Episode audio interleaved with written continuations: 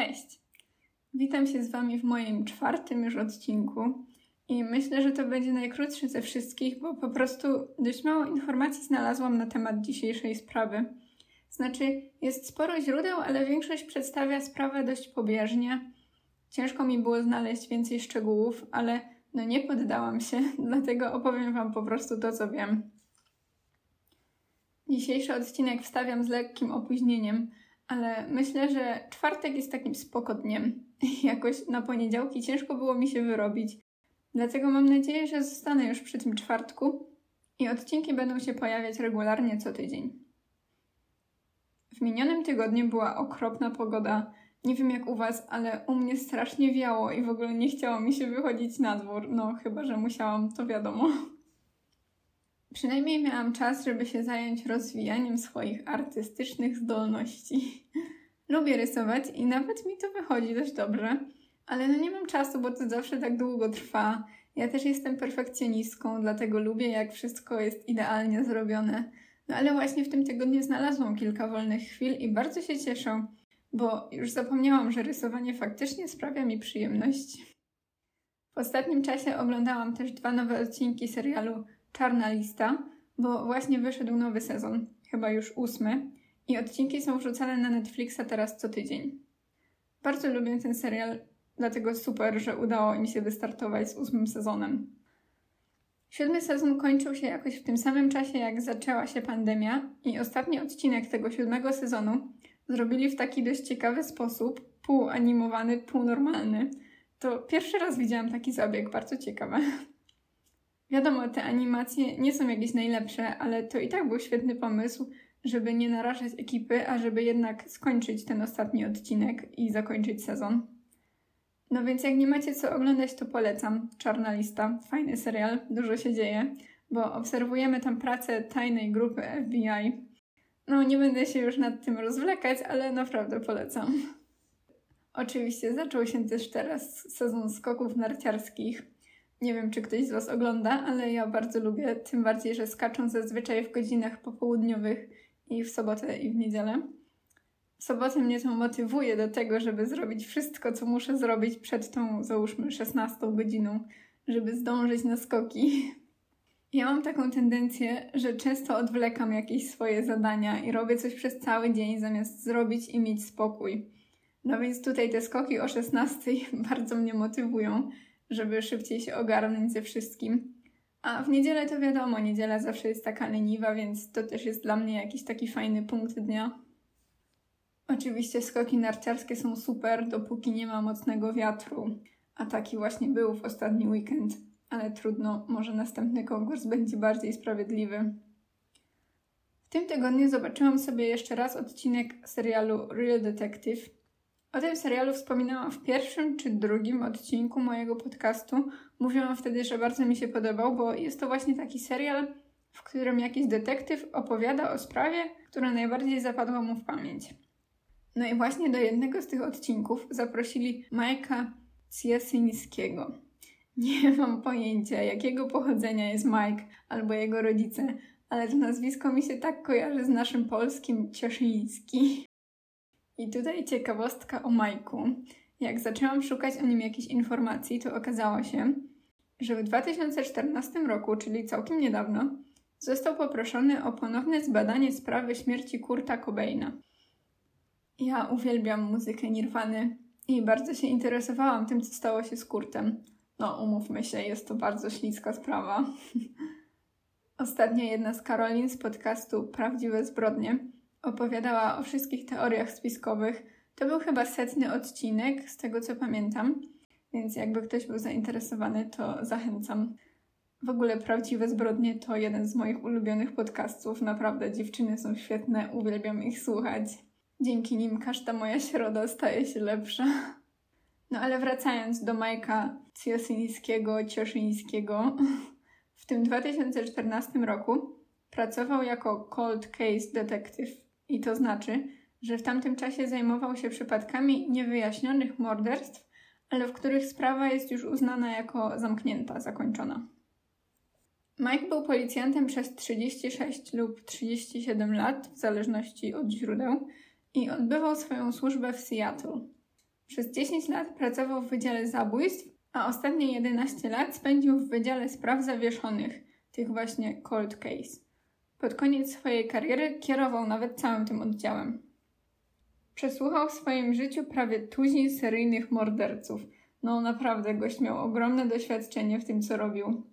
Dlatego to właśnie jego poproszono, żeby jeszcze raz przejrzał dowody związane z domniemanym samobójstwem wokalisty Nirwany. On nawet tam znalazł jakiś film z Polaroida, który był nagrany podczas śledztwa, a nigdy nie był odtwarzany, ale raczej nie było na nim nic ważnego. Mike nawet zrobił sobie zdjęcie ze strzelbą, którą rzekomo zabił się Kurt Cobain, żeby rozwiać wszelkie wątpliwości. Właściwie to nie rozwiało żadnych wątpliwości, ale były takie teorie, że policja ukrywa tę strzelbę, czy że mogła ona zostać gdzieś zgubiona. No wrzucę wam to zdjęcie, to będziecie sobie mogli zobaczyć. Końcu po tym całym swoim śledztwie Mike stwierdził, że faktycznie to było samobójstwo. Nie będziemy się z nim kłócić, ale dzisiaj w ogóle nie o tym. Dzisiaj opowiem wam o sprawie, o której Mike Cieszyński, Cieszyński opowiadał w odcinku pod tytułem Zemsta. Zachęcam do obejrzenia, bardzo ciekawy, jak zresztą wszystkie odcinki. No i tak jak już mówiłam, cały ten serial Real Detective polega na tym, że zaproszony detektyw ma opowiedzieć o sprawie, o której najbardziej pamięta. I w przypadku Majka była to sprawa morderstwa 42-letniej Denise Marie Harris. O ile dobrze zrozumiałam, to Mike na tamten moment pracował w Wydziale Zabójstw już od 21 lat i przez wszystkie te lata miał tego samego partnera, a był nim śledczy Cloyd Steiger. Na samym początku tego odcinka Mike mówi, że wierzy w istnienie dwóch światów. Jeden to jest taki normalny, w którym my wszyscy żyjemy, i drugi świat złych ludzi. Chodzi mi o to, że Mike naprawdę wierzył w istnienie takiego prawdziwego zła.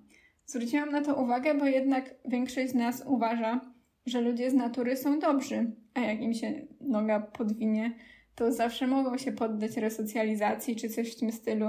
No ale ja się Majkowi nie dziwię, bo przez tyle lat pracy w Wydziale Zabójstw można stracić wiarę w ludzi. No więc ta sprawa zaczęła się dość typowo. 12 września 1997 roku jeden z mężczyzn wędrujących po okolicy znalazł ciało czarnoskórej kobiety w dżungli. Dżungla to właściwie taki opuszczony las, w którym ludzie bezdomni i osoby chore psychicznie szukają jakiegoś schronienia. W serialu to jest przedstawione jako naprawdę takie przerażające miejsce. W lesie nie ma żadnego oświetlenia ani nic. No, wiadomo, jak w każdym lesie, ale tam za każdym drzewem chowa się jakiś bezdomny. No naprawdę, ja bym się bała iść do takiego lasu. Przyczyną śmierci kobiety było uduszenie skórzanym paskiem. Przed śmiercią ktoś zdjął z niej część ubrań i brutalnie ją zgwałcił. W jej ustach znaleziono wypchniętą bieliznę. Napastnik związał jej ręce sznurówkami wyciągniętymi z jej własnych butów, ale były one związane bardzo luźno. To był taki punkt zaczepienia dla śledczych, bo jednak jest to dość nietypowe, Oczywiście wiązanie rąk jest dość częstym zjawiskiem w tego typu sprawach, ale tutaj te sznurówki były tak ledwo co założone. Nie miało to no żadnego sensu, bo gdyby mężczyzna się zagapił, to Denis spokojnie mogłaby wyciągnąć z nich ręce. Na jednej z gałęzi drzewa na sznurku wisiała puszka, taka zwykła jak po piwie. Obok ciała znaleziono także butelkę po piwie, ale to nie było aż takie dziwne, bo w ogóle w tej dżungli bezdomni zostawiali pełno śmieci po sobie. Gdy policjanci przeszukiwali miejsce zbrodni, natrafili na jednego z mieszkańców dżungli, no na jednego bezdomnego. Ponoć był on jakimś byłym wojskowym. Ciekawe, jak trafił z wojska do dżungli. Ale miał na szyi tatuaż z czarną błyskawicą. Tak, dokładnie taką, jaka jest teraz symbolem obecnych strajków, tylko że była czarna. Oczywiście, gdy śledczy chcieli go przesłuchać, to powiedział, że nic nie wie, ale Mike dał mu swoją wizytówkę i się rozeszli. Ofiara miała na sobie ładne ubrania, więc śledczy od razu założyli, że nie była z dżungli. Nosiła też srebrny naszyjnik z krzyżykiem, więc może była wierzącą osobą. Zidentyfikowanie ciała zajęło trochę czasu, ale w końcu okazało się, że była to właśnie Denise Marie Harris i w momencie ataku miała 42 lata. Denise Harris była nauczycielką. Niestety nie wiem, czego uczyła, ale od jakiegoś czasu spotykała się z Jamesem Cooperem. Zarówno ten jej chłopak James, jak i matka i wszyscy znajomi wypowiadali się o niej w samych superlatywach.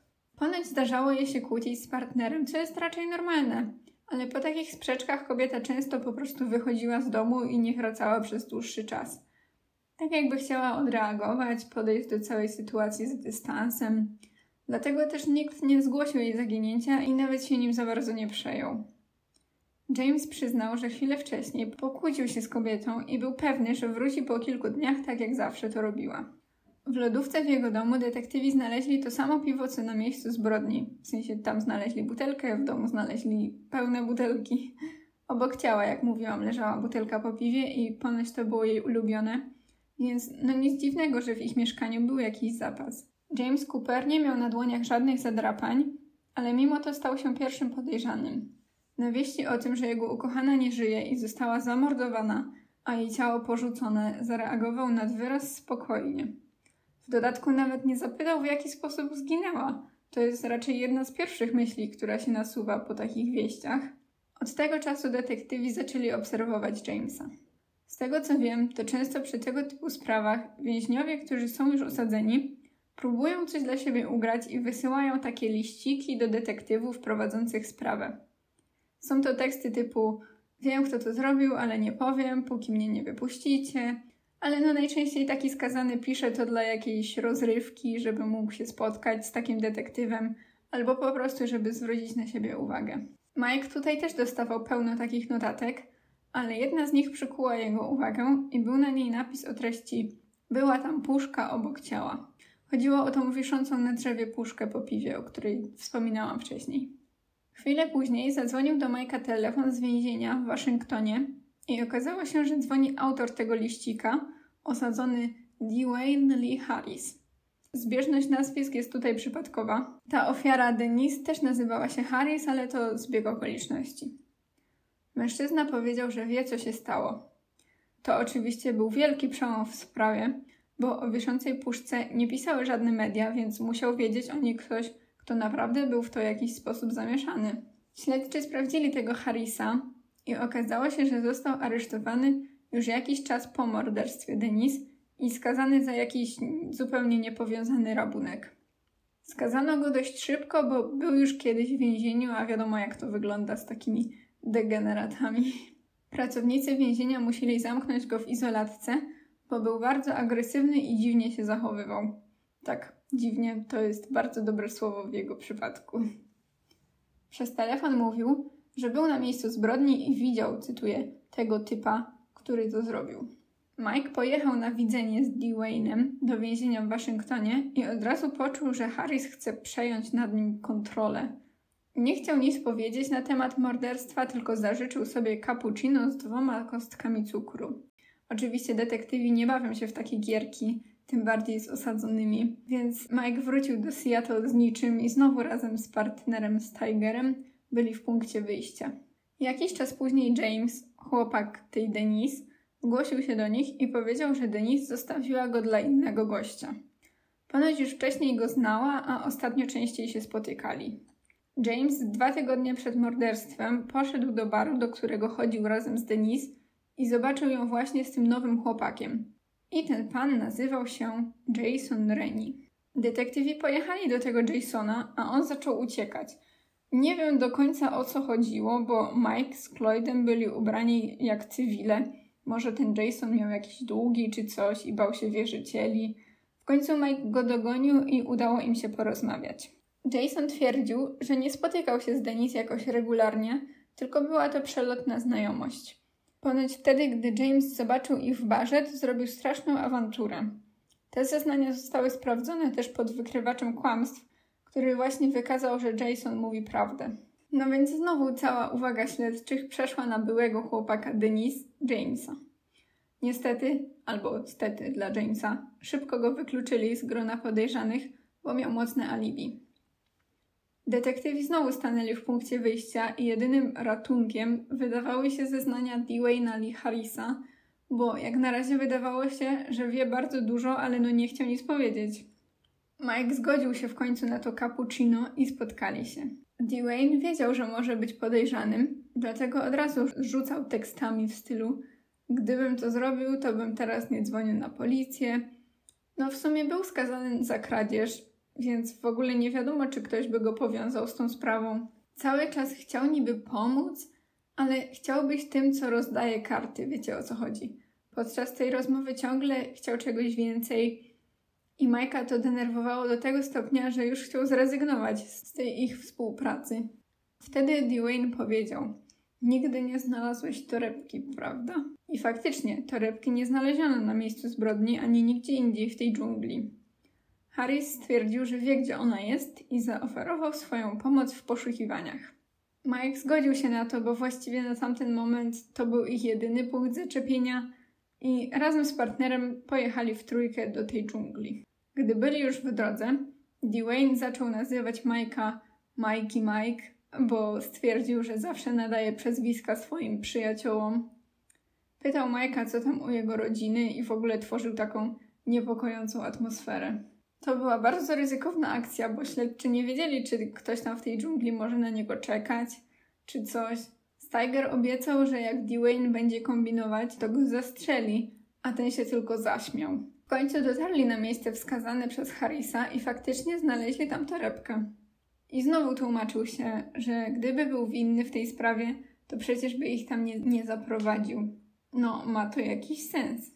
Cały czas też twierdził, że zna mężczyznę, który jest odpowiedzialny zarówno za tę zbrodnię, jak i za wiele innych morderstw. Jak wyjeżdżali z dżungli już w stronę więzienia, to detektywi dostali telefon, że znaleziono kolejne ciało kobiety w dżungli. Bez zastanowienia pojechali na to miejsce razem z Dwayne'em. On był zadowolony, bo to kolejny dowód na jego niewinność, no w końcu nie mógł zabić tej kobiety, skoro cały czas był w więzieniu. Ofiary były w podobnym wieku, obie były czarnoskóre i były po trzydziestce. Ale w tym przypadku nie było żadnych sznurówek, a ciało było ułożone w całkiem inny sposób. Detektywi nie połączyli tych spraw, bo zazwyczaj seryjni mordercy działają w ten sam lub w podobny sposób. Dwayne wydzwaniał do Mike'a z więzienia. Chciał, żeby Mike przyjechał go odwiedzić. Był do tego stopnia natarczywy, że Mike naprawdę zaczął się go obawiać. Niestety śledztwo znowu utknęło w martwym punkcie i śledczy zdecydowali się na kolejną współpracę z osadzonym. Dwayne powiedział, że poda nazwisko mordercy po załatwieniu ugody i udało się taką ugodę załatwić. Każdy miał być zadowolony. Dwayne w końcu podał to nazwisko i powiedział, że morderca nazywa się Darrell Smith. Zna go, bo kiedyś podobno kradli coś razem. Okazało się, że był to ten facet z dżungli, który miał błyskawice na szyi. Pamiętacie ten z początku historii? Dwayne opowiedział, że Darrell zagadywał kobiety w pobliskim barze, upijał je i wywoził do dżungli, gdzie gwałcił je i zabijał. Oczywiście policja od razu zaczęła poszukiwania Darela, ale nie znaleziono go w dżungli. Pojechali więc do najbliższego baru i zaczęli o niego wypytywać. Niestety pracownicy lokalu nie byli w stanie pomóc, ale w tym barze trafili na dziewczynę, która także została zaatakowana i wywieziona do dżungli. Znaczy, tak to było przedstawione w serialu, ale wiadomo, może być to trochę naciągane.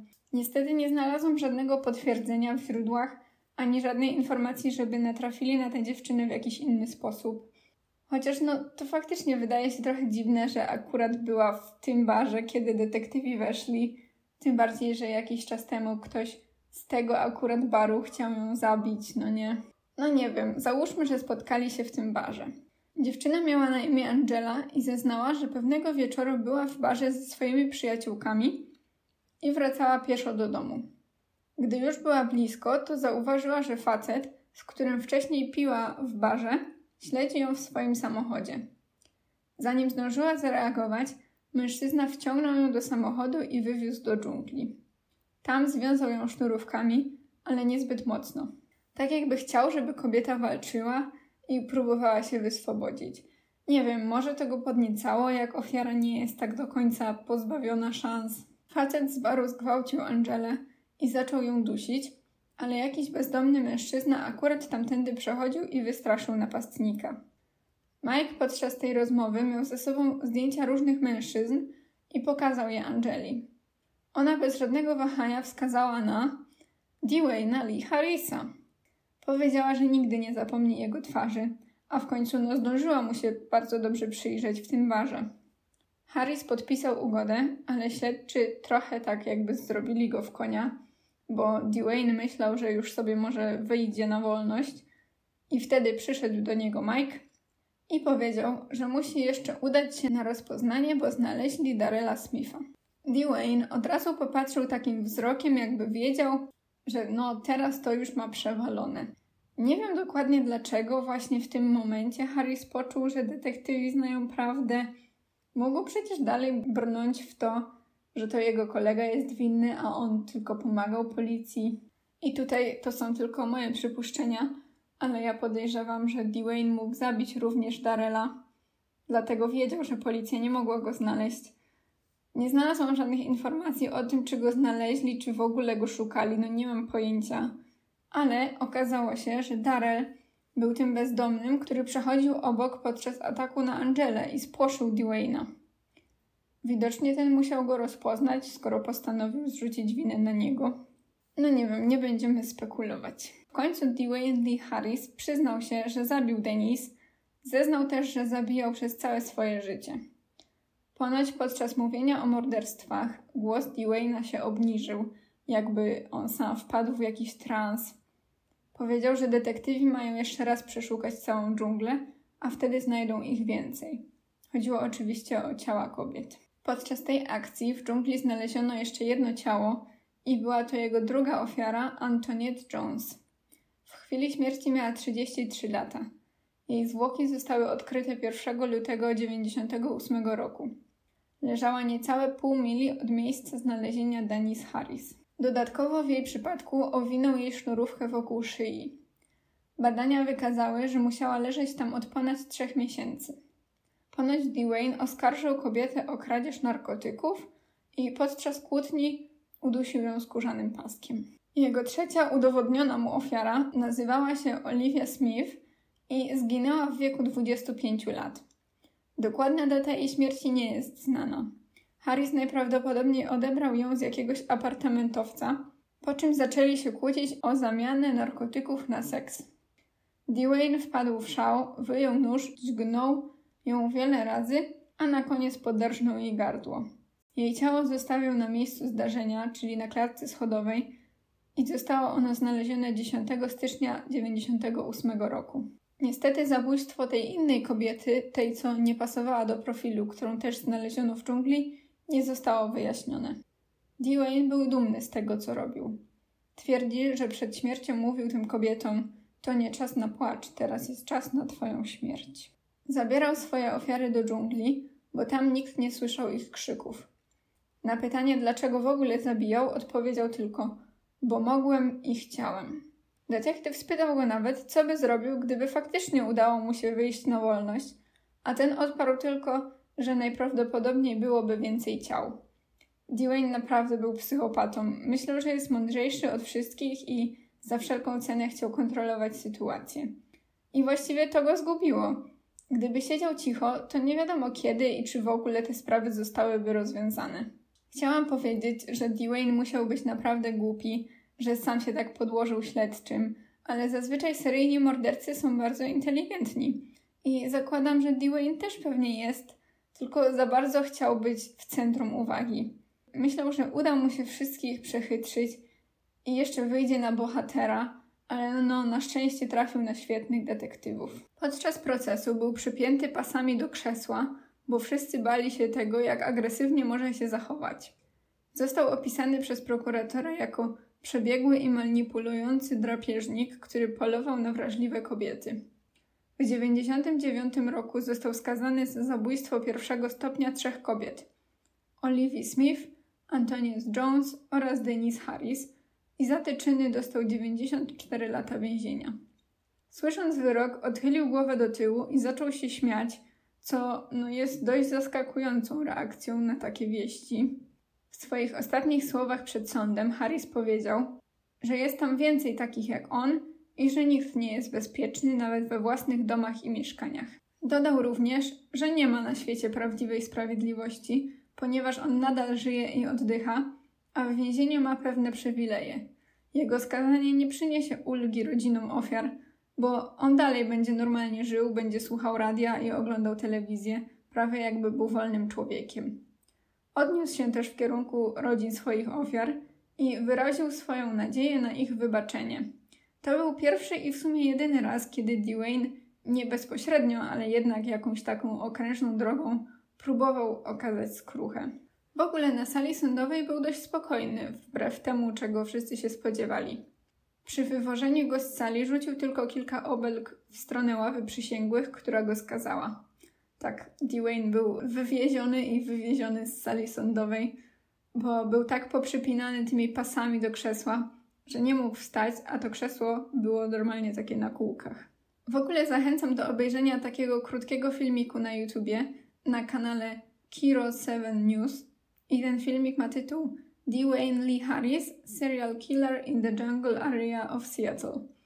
Jest tam przedstawiona cała sprawa w kilku zdaniach, ale są też urywki z wypowiedzi oskarżonego i można dobrze zobaczyć, jaki styl bycia miał ten Dwayne. W serialu ten aktor, który odgrywał jego rolę, był taki bardzo mroczny i wiecie, miał takie świdrujące oczy, co chwilę oblizywał usta w taki dwuznaczny sposób i naprawdę był obrzydliwy i przerażający.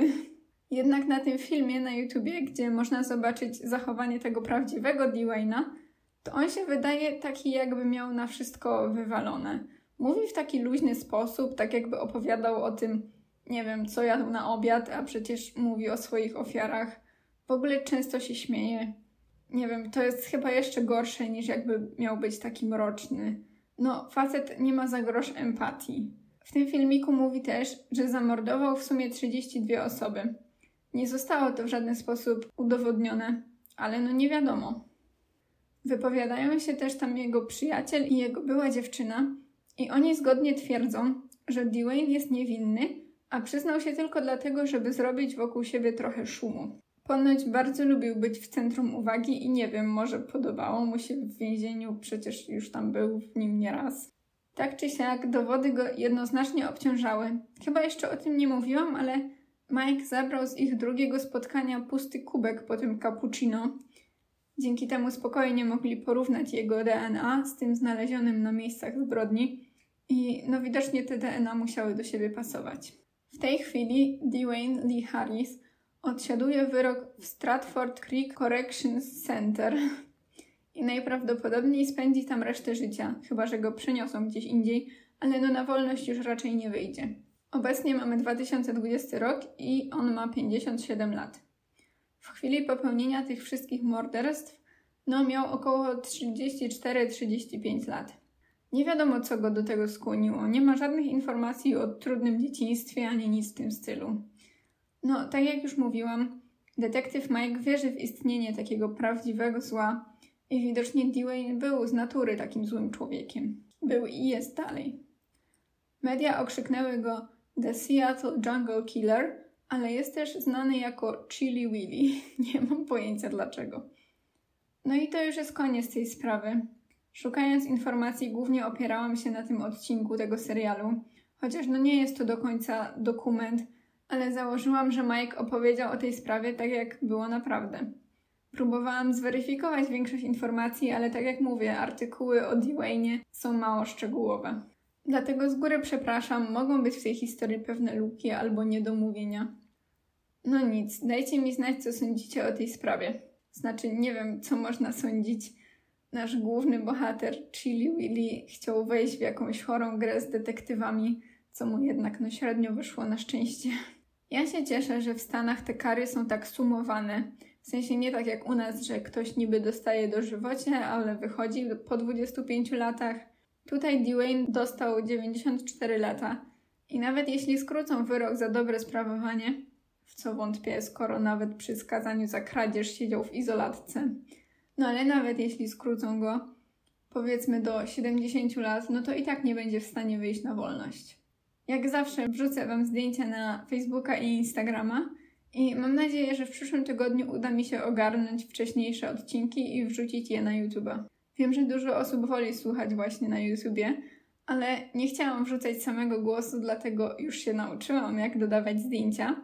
i wrzucę wszystkie te cztery odcinki razem jak najszybciej i tam też będzie można zobaczyć dużo więcej. Ja się już z Wami żegnam. Do usłyszenia w następnym odcinku.